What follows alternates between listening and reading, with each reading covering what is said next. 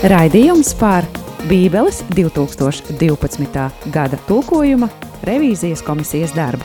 Atrasts tulkojumā.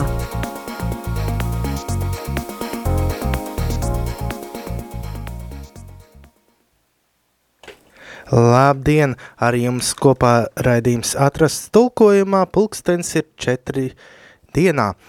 Ar jums eh, kopā esmu es, Jākaps Reinis Pērkuns, eh, menedžēšu šo raidījumu šoreiz Māra vietā un eh, no Bībeles revīzijas komisijas mums ir šodien Jānis un Andris. Jā, sveicināti. Lūdzu. Jā, sveicināti visi. Jā, šeit Jā, Jā, mēs diemžēl. esam jau un, un, un, un, un, un, un um, mēģināsim tagad runāt, atskaitīties jā, par padarīto. Protams, ne par visu, bet par atsevišķām tādām interesantākām rakstavietām, jā, kas ir izraudzītas no tā, kas mums bija apskatīts komisijā, konkrēti no psalmu grāmatas. Es vispirms nolasītu tad 2012. gada to jauno tulkojumu, un tālāk Jānis pastāstīs nedaudz par komisijā pieņemtajiem, un tad mēs vēl tur nedaudz vēl aplūkosim kādas nianses. Un tā, mums ir ā, 88. psalms, 5. pants, un jaunajā tulkojumā tur ir tā. Tiem es pieskaitīts, kam nogrimda bedrē pie tādiem, kas nezina, kā sev līdzēt. Un komisijas pieņemtais eh, lēmums ir uh, tiem es pieskaitīts, kam nogrim bedrē kā vīrs bez spēka. Nu, fa eh, faktiski jūs jau dzirdējāt, ka tās izmaiņas skar pānta beigas, tad, tad līdz šim bija pie tādiem, kas nezina, kā sev līdzēt, un tagad ir vienkārši kā vīrs bez spēka.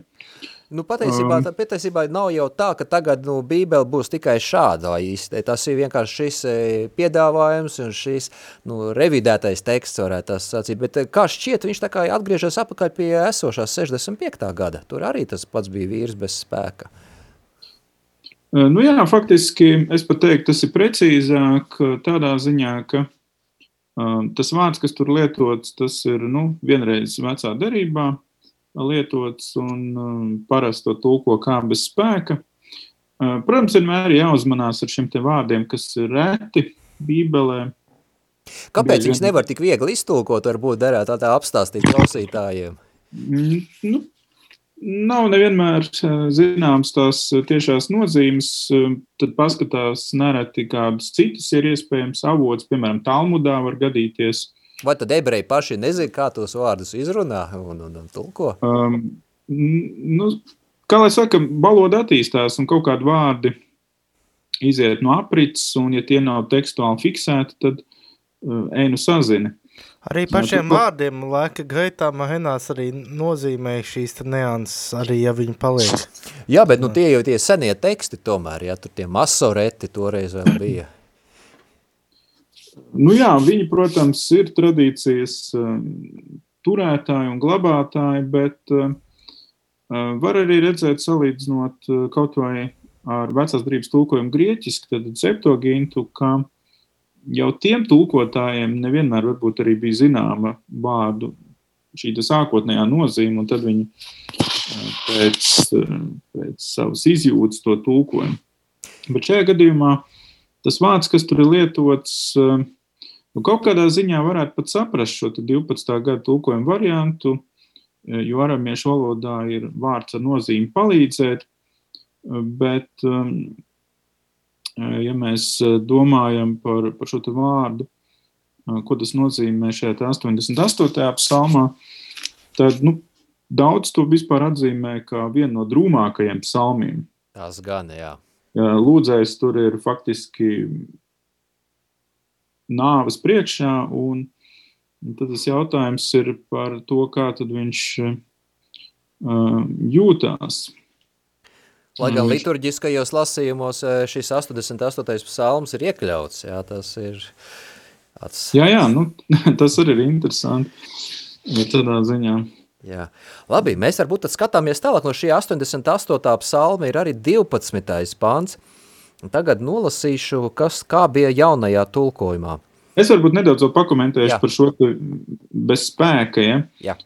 Nu, ja, ja, ja pavisam precīzi, tad tur būtu jābūt uh, varonim spēka vīram bez spēka. Ja? Tad nu, iznāk savu veidu pretrunu. Ja? Tad, tad varonis bez spēka, uh, kas tas ir. Bet, nu, Te, protams, jāskatās tajā kontekstā. Tur ir runa par, par, par viņa fizisko stāvokli, ka viņš vairs nevar valdīt pār uh, savu ķermeni. Uh, ir pietiekami nu, bezspēcīgs. Arī starp citu, nākamais pāns, tas, tas, protams, netiks lasīts, bet jūs varat uh, izlasīt uh, mājās paši. Tas sastais uh, par miroņiem, ka viņš jūtas kā starp miroņiem, kas palaists brīvībā, kā nokautais, kas guļ kapā, kur vairs neatcerēties šķirt no manas rokas. Tur ir izmantota nu, tāda vairāk tā kā vergiem saistīta ikdiena, šī atbrīvošana vai nonākšana vēl sliktākā stāvoklī šajā gadījumā. Tad mirušais ir palaists kā vergs brīvībā, bet viņš ir reizē arī iztumts no dzīvo sabiedrības. Jā, nu, protams, protams, šis 88. psalms ir tāds diezgan drūms, jā, lai gan viņš arī ir liturģiskos lasījumos, tur arī apdziedājumos, bet ir jau sasaist viņa ar 89. Tas ir nākamais psalms, kuriem ir tāda cerīgums jau skanā, jā, un, un tas ir tas, kas mums tā ļoti arī patīk un iedrošina. Jā, bet skatāmies tālāk, ka 12. pantā šajā pašā 88. psalmā, turpat drusku tālāk, atkal ir kaut kur līdzīgs eh, toņa kārtas, varētu sacīt, pants. E, tur ir teikts tā, vai kapā klāstīs par tavu žēlastību, par tavu uzticību teiks pazušanā? Nu jā, te faktiski mainās tikai pa lielam arī viens vārds, un skan tas ļoti līdzīgi. Vai kapā klāstīs par tavu žēlstību, par tavu uzticību, teiks, pazudināšana. Un jūs varētu jautāt, kāda ir atšķirība starp pazušanu un pazudināšanu? Protams, mēs komisijā vēl skatījāmies arī citus variantus. Te bija piedāvāts pazušanas vietā vai pazudināšanas vietā lietot vārdu bezdibenis. Un um, tas viss ir saistīts ar uh, tā laika priekšstatiem par nāvi, kā iztēlojās šo nonākšanu šeolā, ja mirušo valstībā. Un te jāatzīmē, ka arī priekšstats par šo mirušo valstību mainījās laika gaitā, un var redzēt, ka tās uh, tie priekšstati kļūst niansētāki, parādās arī īpašas vietas. Ja sākotnēji nonāk visi un tur netiek īpaši šķiroti, Tad laika gaitā, domājot par pastaro tiesu, radās arī zināma diferenciācija mirušo starpā. Un tāpēc tekstos, kurus mēs varētu dēvēt par gudrības tekstiem, tad, tad ieba grāmata, pamācība grāmata un arī šis psalms, tur parādās šis te termins kas ebrejiski skan kā abadons, ko tiešām dažās vietās varētu tulkot arī kā bezdibeni. Piemēram, Ieba grāmatas 28. nodaļā, tur ir runa par gudrību, kur var atrast gudrību cilvēks. Un tad tur tiek aplūkots visādas vietas, un tiek norādīts, ka gudrību tur, tur nu gluži īsti nevajag meklēt. Un beig beigās tiek norādīts uz Dievu, ka tā ir jāmeklē pie Dieva. Jā, bet esošajos arī latviešu tulkojumos, nu, piemēram, Staņislava Mozga tulkojumā šis avadons tulkots kā pazeme, vai uh, Ernesta Glika tulkojumā viņš ir tulkots kā samaitāšana. Tas ir tā kā iznāk tur pazeme, tur ir samaitāšana, jeb iztur, satrūdēšana kaut kur, jā, un, bet šeit šī nianse te ir. 12. gadā bija uh, pazušana, uh, Eh, kurš tagad ir pēc komisijas lēmuma ir pazudināšana. Kas tur ir tās nianses? Kāpēc tur nevarēja palikt tā pazušana tur, bet ir pazudināšana? Nu, pazušana, tas, manuprāt, un arī pēc komisijas dažu locekļu domām, tas skan tā pietiekami neitrāli. Un tas varētu um, to nozīmi, ko nes šis vārds, um, ka tā ir savā ziņā arī tāda vieta, kur ir nu, cilvēki, kas ir nolemti eh, iznīcināšanai, nu, pazudināšanai. Nevis vienkārši, ka cilvēks kaut kur pazūd, ja, bet eh, ka viņš tiek. Nu, ka kāds viņu pazudina. Jā, ka viņam tas Tā... sots ir negatīvāks, kas viņu saka. Jā, jo, piemēram, ja kaut kas ir pazudis, to var atrast vēl, sameklēt. Bet šeit laikam ir tā, ka tas ir pazudis tā, ka tur vairs nu, ne, nekā vairs nav. Kaut kā tā. Labi. Nu jā, tā kā, nu, no vienas puses tāda it kā neliela niansīta, tur pāris burti vairāk, bet... Uh, um, jā, bet nu, niansi tur ir, jā, niansi tur ir tāda, jā. jā. Uh, labi, uh, ejam tālāk. Jā, mums tad ir tas 89. Jā. psalms, kurš tā kā ir tā kā turpinājums šim drūmajam 88. Un arī tur mums ir viens eh, pāns, kurš arī nāca mūsu priekšā. Lai gan šis pāns ir tāds, nu, varētu sacīt tā, nu varbūt, ka viņš nav tāds pārāk aktuāls jā, un mūsdienīgs, un vai viņš būtu tik būtisks, bet nu tomēr, tomēr arī tas tika apskatīts. Un tur ir e, rakstīts tā, 12. gada, tas ir jaunajā tulkojumā. Tu satrieci lepno kā līķi, ar stipru elkoni svaidīji naidniekus. Un pieņemtajā komisijas variantā tas gan šādi, tu padarīji Rahabu par līķi, ar savu stipru elkoni izsvaidīji naidniekus. Kas tad te ir mainījies?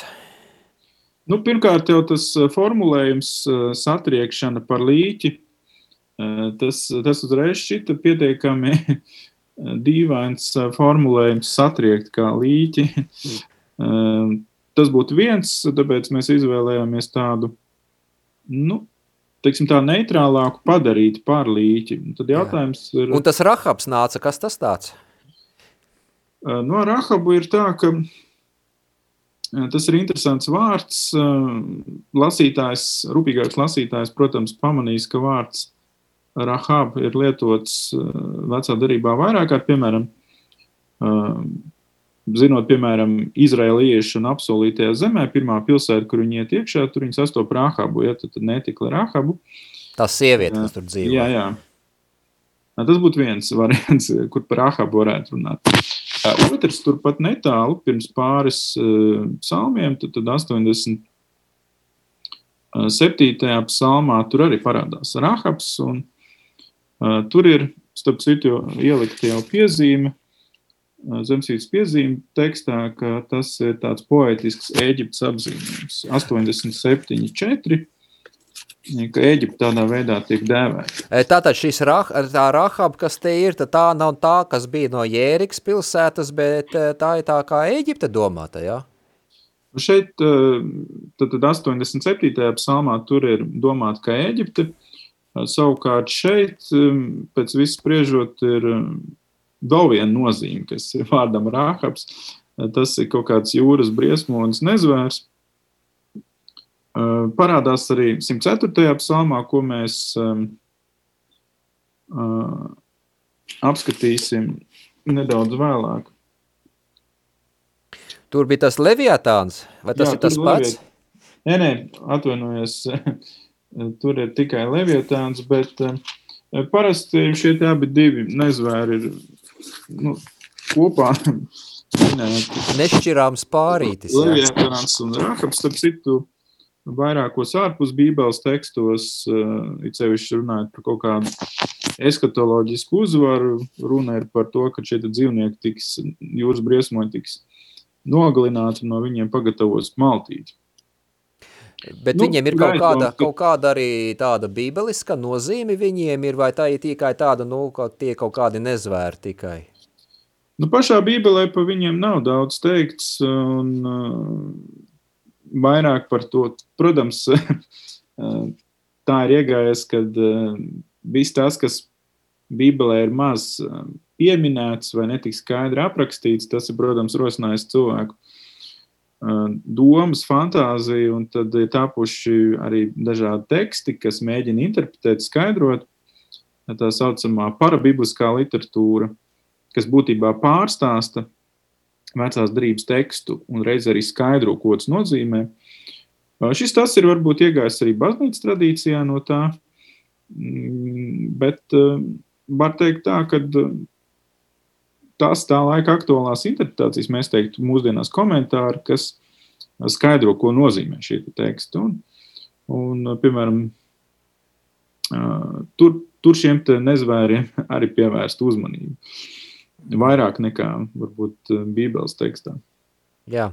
Protams, viņiem varētu būt arī kaut kāda no alegoriska nozīme, ka tie kaut kā apzīmē tos ļaunos spēkus, kurus Dievs tad uzveic. Jā, protams, te ir dažādi minējumi var būt, kāpēc vispār tādi te nezvēri ir vispār ne tikai psalmos, bet vispār Bībelē pieminēti. Nu, jūra, jūra varbūt latviešu, latviešu klausītājiem varētu šķist tāda patīkama, tuva, pie kuras at, atpūsties, bet priekš tā laika cilvēku, protams, jūra ir viens no hausa simboliem. Tas, kas ir pretmets dievam, un tad viss tas, kas dzīvo jūrā, tad nu, arī ir nu, šī hausa, teiksim, tādas konkrētas personifikācijas, kā Levietāns vai Rahabs. Arī tā kā tuksnesis.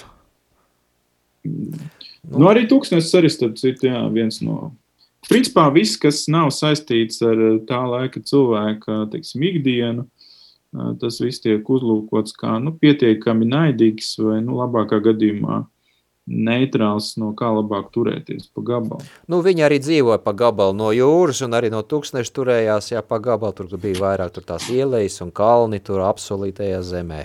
Jā, tur bija. Nu ko, labi, virzamies tālāk. Mums te viena tāda garākā rakstu vieta ir no šī paša 89. psalma, veseli divi panti. Lasu, kā tas ir jaunajā tulkojumā. Atceries, mans kungs, tavu kalpu negodu, ko nesāju krūtīs no daudzām tautām. Kā apsmej tavi naidnieki, kungs, kā tie apsmej tavas svaidītās soļus. Jā, nu šeit mēs dalījām nedaudz savādāk šos divus pāntus, tāpēc viņi paņemti kopā. Un skan tas šobrīd šādi. Atceries, mans kungs, tavu kalpu negodu.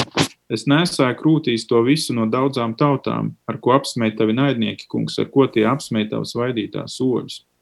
Kas te ir par izmaiņām īsti? Kas te mainījies? Um, Pirmais eh, ir tas, ka um, šis aicinājums atcerieties, tas tiek izdalīts eh, kā viens teikums, un tad ir runa par to, kā tad um, psalma autors uh, runā par to negodu konkrētāk. Tad, tad, un 52. psalms attiecīgi tiek tagad formulēts kā paskaidrojums, ja, kas tad ir viss tas, ko viņš nesā krūtīs. Savukārt 12. gada tulkojumā vairāk ir tāda uh, neapmierinātība ar to, kā apsmēja šie naidnieki uh, svaidīto. Kaut kas ir zināms, kas ir šie naidnieki, kas apsmēja? Uh, jā, nu, ja mēs paskatāmies uz šo psalmu, tad uh, psalms ir nu, diezgan interesants psalms. Tur ir psalma sākumā tāds uh, slavinošs teksts, kas mainās pakāpeniski uz tādām vaimanām, un tur ir faktiski arī norādes uz konkrēto situāciju.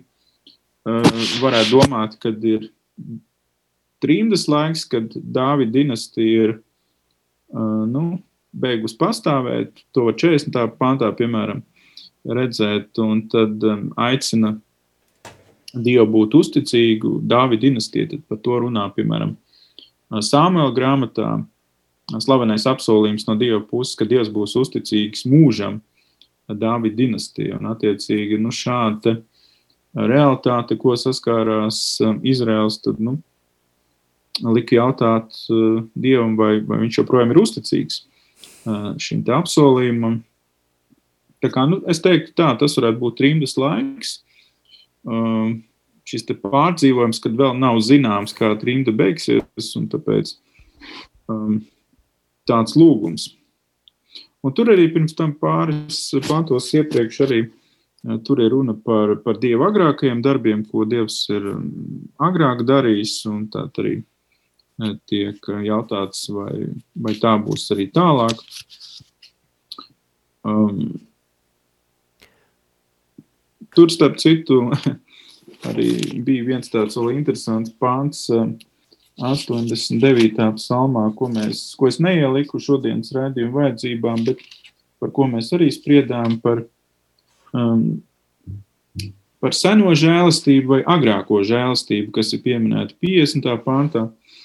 Um, nu, jautājums principā jā, par šo Dieva solījumu izpildi tagad. Um, protams, tas viss kaut kādā mērā tālāk tiek turpināts arī, kā jau Andris teica, arī nākamajos psalmos. Tā ir tāda interesanta psalmu īpašība, ka var lasīt arī šādi uh, psalmu, un tad nākamo psalmu kā iespējamo atbildi vai kāds vairākus psalmus. Šeit, acīm redzot, te varētu būt arī tā, ka uh, dziesminieks aicina Dievu ievērot to, kas tur ap viņu notiek, tie naidnieki, ko viņi tur dara, un tad tā kā īstenot arī nu, taisnību, jā, tad arī iestāties par uh, viņu, tas ir par to dziesminieku, gan par visu to tautu, un ar, par saviem apsolījumiem, un tos arī īstenot, un tie naidnieki tur smējās, nu, tad viņš arī attiecīgi aicina viņus uh, to Dievu, lai Dievs, Dievs arī ievēro, ko tie naidnieki tur dara, un lai viņi tiktu attiecīgi piemeklēti. Labi. Nu jā, nu jā, protams, psalms pēc tam beidzās 53. psalmā ar, protams, uzticības apliecību Dievam, lai slavēts kungs mūžam patiesi un patiesi. Tā kā mēs, nu, redzam. Jā. Nu ko, mums vēl ir, vēl ir pāris rakstu vietas, tad tās lasām tālāk. 102. psalms, 6. pants, jaunajā tulkojumā, Viņš ir tā, tā stenu, ka sprūst kauli man miesā, ak vai. Un pieņemtais variants komisijai no vaidiem esmu palicis vien kauli un nāda. Kāpēc tas sprūst um, nepatika komisijai? Tur jau tā ļoti tā ekspresīvi tas ir, tur kauli iesprūduši. Nu, viens no ieteikumiem bija tāds, ka tā stenu, ka kauli man līp pie miesas, um, nu, teiksim, tas izmantotais vārds tekstā nu, varētu tā arī tulkot, nu, tā, tā cieši piesaistīties klāt. Tā burtiski. Bet, bet mēs domājam, vai nevar izteikt kaut kā uh, ar kaut kādu latviešiem raksturīgu uh, idiomu, uh, kas vairāk um, nostrādātu. Jo sprūst kauli miesā, nu, tas ir nu, arī jautājums, kā, kā lasītājs to sapratīs. Nu, tas, jau, tas jau jaunajā tulkojumā jau ir, jā, un, un, un tāpēc jau tie jautājumi bija pacēlušies, jā, vai nevarētu kaut kā savādāk to izteikt. Nu, skaidrs, ka psalm, psalmā ir runa, runa par arī ļoti smagu slimnieku, viņš cer, ka Dievs palīdzēs, un tur ir diezgan plaši aprakstīta uh, šī viņa slimība. Tad psalma beigās var nojaust, ka viņš ir nu, jau tāds ļoti smagi uz nāves slims, ja tā varētu teikt, un gatavs aiziet. Un, tas, ka viņš nerod šo mierinājumu un vēlas saņemt kaut kādu, varbūt, personisku palīdzību. Protams, šajā uzskaitījumā tur varētu palasīt arī pāntus pirms tam. Nu, jautājums, vai tā ir kaut kāda konkrēta slimība. No vienas puses, varētu teikt, ka nu, tas ir mēģinājums varbūt aprakstīt šo viņa stāvokli, ka viņš ir nu, būtībā izdēdējis ļoti vārgs. Um, arī tur pirms tam iepriekšējā pāntā arī salīdzinājums ar, ar zāli. Tas nebija gavēnis viņam, varbūt, ka te, te domāt šajā pantā. Uh, nu, nu skaidrs, ka viņš um, ļoti noraizējies un vairs negrib ēst, un tas noved arī pie tādas nu, izkāmēšanas, teiksim, kā mēs teikt latviski. No vaidiem es esmu izkāmējis, tā varētu arī teikt, tikai kālu un nādu palikuši. Jā. Nu, Tas ir gan kā slimība var būt, gan arī tāda nu, grēka nožēla vai arī mm, pārdzīvojums tāds smags, jā, kad cilvēks ir nomākts, ka viņam vai zudis, zudus ēst griba. Un, un, un, un. Jā, par to, par to stāvokli tur vairāk kārt tekstā runā, viņš tur arī par dzeršanu, ēšanu, dzeršanu runā, tad, tad šajā iepriekšējā 5. pantā, arī 10. pantā. Arī problēmas ar miegu, spriežot pēc 8. panta. Tas uz depresiju vēl kaut kā. Nu jā, arī tas, kad viņš ir sociāli arī izolēts, pa, to, pa ko runā nākamais 7. un 8. pāns, ka viņš, viņš ir sociāli izstumts ārā. Un tāpēc šis salīdzinājums ar šo pūci, kas būtībā nešķīs dzīvnieks, kam jādzīvo ir drupās, nu, faktiski norāda, ka viņš um, pēc tā stāvokļa ir faktiski nonācis tā tādā nāves sfērā, nāves Jā. ietekmē. Viņš ir izstumts no sabiedrības, viņam negribās ēst, viņš jūtās ļoti slims un ir tāds faktiski. Un tad vienīgais, uz ko viņš cer, ir, ka Dievs viņam palīdzēs. Nu jā, viņa cerība ir tas kungs, un pie viņa tad viņš arī, kā sacīt, izlej tās savas sāpes, savas pārdzīvojumus un visu uztic tam kungam, un, un, un tas kungs arī, tad viņu arī ticībā arī pieceļ un atjauno. Labi, vēl lasām. Nu jā, pēdējo. pēdējo, jā, pēdējais. 104. psalmā 17. pāns, tas jau tāds pavasarīgs ļoti. Tur jaunajā tulkojumā ir šādi, kur putni taisa ligzdas, svēteļi to galotnēs mājo. Jā, mūsu komisijas lēmums ir, kur putni taisa ligzdas, svēteļi cipresēs mājo. Par, šis, starp citu, ir paša Andra novērojums par šo te tekstu. Un, Andris ieteica tur pirmkārt atgriezties pie kaut kāda skuju koka, nu tad jautājums pie kura. Jā, nu tie tulkojumi tur ir bijuši dažādi arī tur citu tauto valodās, kā tur ir, nu cipreses ir visbiežāk pieminēts un arī tas arī it kā arī tiek tā tulkots, arī tas vārds, ka tā ir tā ciprese. Uh, Lai gan ir arī varianti, ko tas pats Gliks, viņa pirmajā, eh, tas, eh, tas iznāk pirmais tas izdevums, jā, pat viņa paša tulkojumā tur ir priedes, jā, vai arī kādās citos. Nu jā, priedes noteikti būtu latviešu ausī un vizualizēt. Nu, jā, nu, cipreses, kā viņš varēja cipreses iztulkot 17. gadsimtā. Ir arī citos tulkojumos egles, Uh, ir, ir vienā tas, tas jaunā internacionālā versija angļu valodā, tur ir stārķi kadiķos. Kaut kādos spāņu tulkojumā tur vienā ir arī, kur tie stārķi ir dižskabaržos, jā, tur, tur vesels botāniskais dārs ir. Bija arī svarīgi šī te um, pānta kontekstā tas, kas ir minēts svēteļu to galotnēs mājo, precizēt, jo, ja mēs lasītu kopā ar iepriekšējo 16. pāntu, tad varētu nojaust, ka viņi mājo ciedru galotnēs, jo 16. pāntā ir runa par ciedriem.